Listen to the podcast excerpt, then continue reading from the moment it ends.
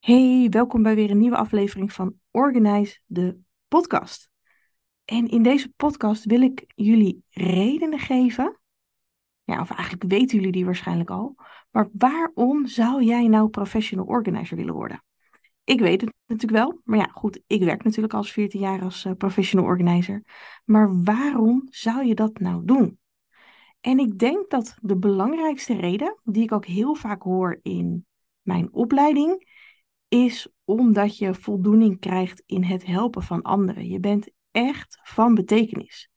Als professional organizer speel je natuurlijk ook een cruciale rol in het ja, transformeren eigenlijk hè, van die chaos naar orde en ruimte en overzicht in iemands leven.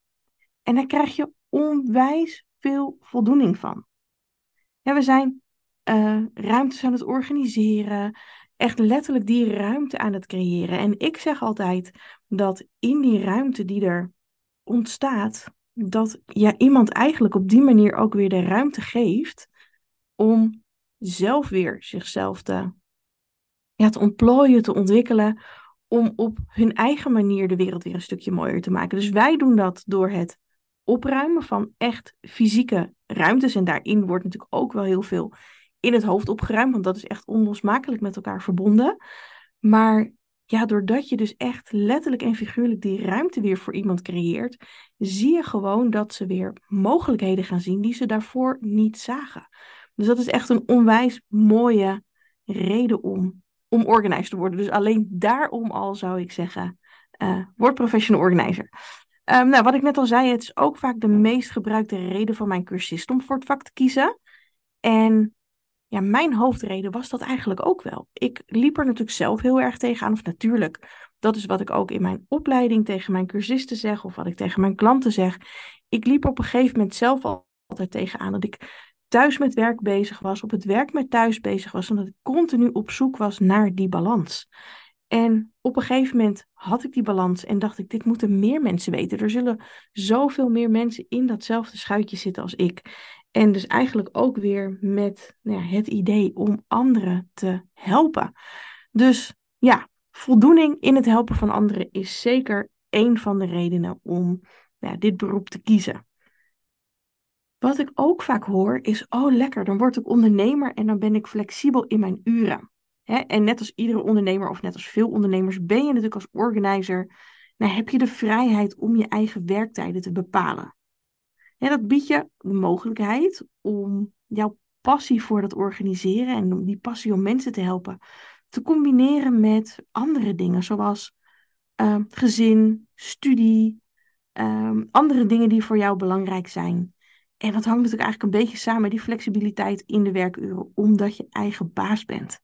Want bijna alle onder de, de organizers die je kent, die zijn ook ondernemer. En het hebben van je eigen bedrijf geeft je niet alleen die vrijheid en die flexibiliteit in je werkuren, maar het, staat je ook, het stelt je ook in staat om je eigen visie te volgen. Om te bepalen wat je verdient, om te bepalen voor wie je werkt. En dit geeft zo'n gevoel van onafhankelijkheid en controle over je carrière. Dat is echt niet normaal fijn. Ja, daarnaast is het natuurlijk ook zo dat er een groeiende vraag is naar organisatietalent. En in een wereld waarin mensen steeds drukker worden en de behoefte aan efficiëntie toeneemt, is er een, een, ja, een groeiende vraag naar professional organizers. Wij zijn natuurlijk niet voor niks uitgeroepen tot een van de toekomstberoepen. En een van de redenen waarom wij dat zijn uitgeroepen is juist dat we nou ja, steeds drukker worden. En ik denk dat dat ook niet af gaat nemen de komende jaren. Dus door het organizen aan te bieden, bieden wij aan een hele fijne carrière. Maar we spelen ook in op een groeiende vraag in de markt. Het, een van de andere redenen waarom wij uh, ja, werden gezien als een van de toekomstberoepen, komt ook omdat wij bepaalde nou ja, soft skills hebben. Dus echt die persoonlijke touch aan kunnen brengen. Dus je kunt nog zoveel apps ontwikkelen, templates maken, computersystemen ontwikkelen om iemand efficiënter en effectiever te laten werken, beter te leren plannen. Of hè, in, de, in de gewoontes, hè, dus die habit trackers die je natuurlijk heel veel ziet, om ervoor te zorgen dat iemand bijvoorbeeld wel uh, zijn bed opmaakt of uh, een rondje door het huis loopt. Maar die apps die missen die skills die wij wel hebben. En dat is puur het feit dat wij mensen zijn en dus ook naar de menselijke kant kunnen kijken. Dus ondanks dat al die apps en al die programma's bestaan, zijn wij als persoon nog steeds onmisbaar in die, ehm, in die samenwerking. Dus om dat echt goed te laten slagen. Wat ik ook steeds meer hoor bij collega's is dat het belangrijk is dat zij uh, een stukje bijdragen aan de duurzaamheid. Dus die duurzaamheid bevorderen door het organiseren. Dus wij helpen mensen hun leefruimtes te organiseren. Maar direct of indirect dragen wij natuurlijk aan, bij aan de duurzaamheid. Er wordt minder gekocht, er wordt bewuster geconsumeerd, uh, minder verspilling. De dingen die weggedaan worden, die kunnen wij natuurlijk samen met de klant een tweede leven geven. Um, en dus in plaats van dat als een klant het alleen had gedaan, uh, die had het misschien allemaal naar de stort gebracht, dan kunnen wij nog zeggen van hé, hey, maar breng het naar dit doel of breng het naar dat doel. Mensen gaan anders naar hun spullen kijken. En in dat stukje kunnen wij natuurlijk een hele mooie betekenis geven aan dat stuk duurzaamheid. En ik weet dat er een aantal organizers zijn die zich daar echt in onderscheiden en die ook hele mooie dingen doen voor, die, um, nou, voor de duurzaamheid. Hè, om dat te bevorderen, te ontwikkelen, om daar steeds meer bewustwording in te creëren. Dus um, ja, ook dat is weer een hele mooie reden om professional organizer te worden. Ja, daarnaast is het natuurlijk ook zo dat je van het ondernemen en van het organiseren ook onwijs groeit. die persoonlijke ontwikkeling, die persoonlijke groei, dat gaat echt onwijs hard. Want je werkt met verschillende mensen en situaties, wat je de kans biedt om, ja, om voortdurend nieuwe vaardigheden te creëren. En je leert organisatorische strategieën, methodieken, maar voornamelijk, en dat is waar ik in mijn uh, deelnemers aan de opleiding ook zoveel zie groeien, is dat stukje in die communicatie, die coachingsvaardigheden, die begeleidingsvaardigheden en die ook weer enorm bijdragen aan hun eigen persoonlijke groei. Er zijn ook mensen die de opleiding volgen puur en alleen voor hun eigen persoonlijke ontwikkeling en omdat ze het een interessant vakgebied vinden. Dus dat ze wat meer daarover willen weten, maar niet per se organizer willen worden. Dus echt alleen maar voor die persoonlijke groei gaan. En ik vind het zo mooi om dat te zien, dat mensen zich zo bewust zijn van het feit dat je door een opleiding te volgen, en ook al ga je er misschien in de toekomst weinig of uiteindelijk helemaal niks mee doen, dat al die opleidingen toch weer enorm bijdragen aan iemands persoonlijke groei en persoonlijke ontwikkeling. Dus ja, dit waren eigenlijk vijf of vijf en een half. Ik zal ze nog eventjes um, uh, herhalen.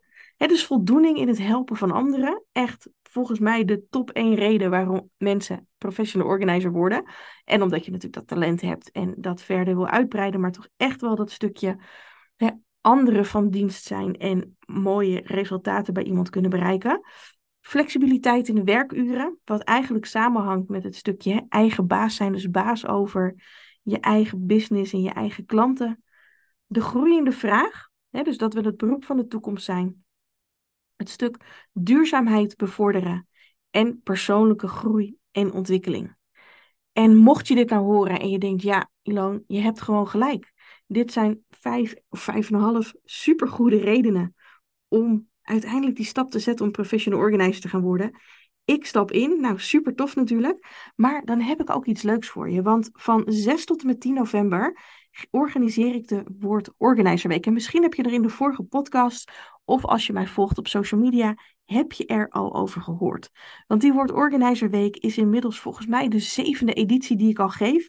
En echt een begrip aan het worden in uh, nou ja, um, potentieel professional organizing land. Dus allemaal mensen die professional organizer willen worden, die zich aan het oriënteren zijn, of die net gestart zijn, of al met hun praktijk, of al met de opleiding. Want we gaan onszelf een week lang onderdompelen in het leven van een professional organizer. Dus we hebben in die vijf dagen, want het is van maandag tot en met vrijdag, hebben we zes live sessies, waaronder echt een hele toffe live sessie waarin je alles kunt vragen aan mensen die jou voor zijn geweest. Dus die de opleiding hebben gedaan en vervolgens aan het werk zijn gegaan als professional organizer. Of niet, want dat weet je natuurlijk maar nooit. Um, dus dat is echt heel erg leuk. We gaan het hebben over de kansen die er zijn op de markt. We gaan het hebben over um, ja, hoe kun jij nou bepalen wat voor jou de juiste um, fundering is van je bedrijf. Dus wat zijn voor jou echt hele belangrijke dingen in je missie, in je visie, om die uit te gaan stralen. En hoe doe je dat? En ook al ga je nooit een organizing bureau beginnen, maar ga je iets heel anders doen, is het toch heel mooi om die te kunnen staven aan jouw persoonlijke visie en jouw persoonlijke missie. Dus daar gaan we het over hebben. We gaan het hebben over hoe de markt eruit ziet.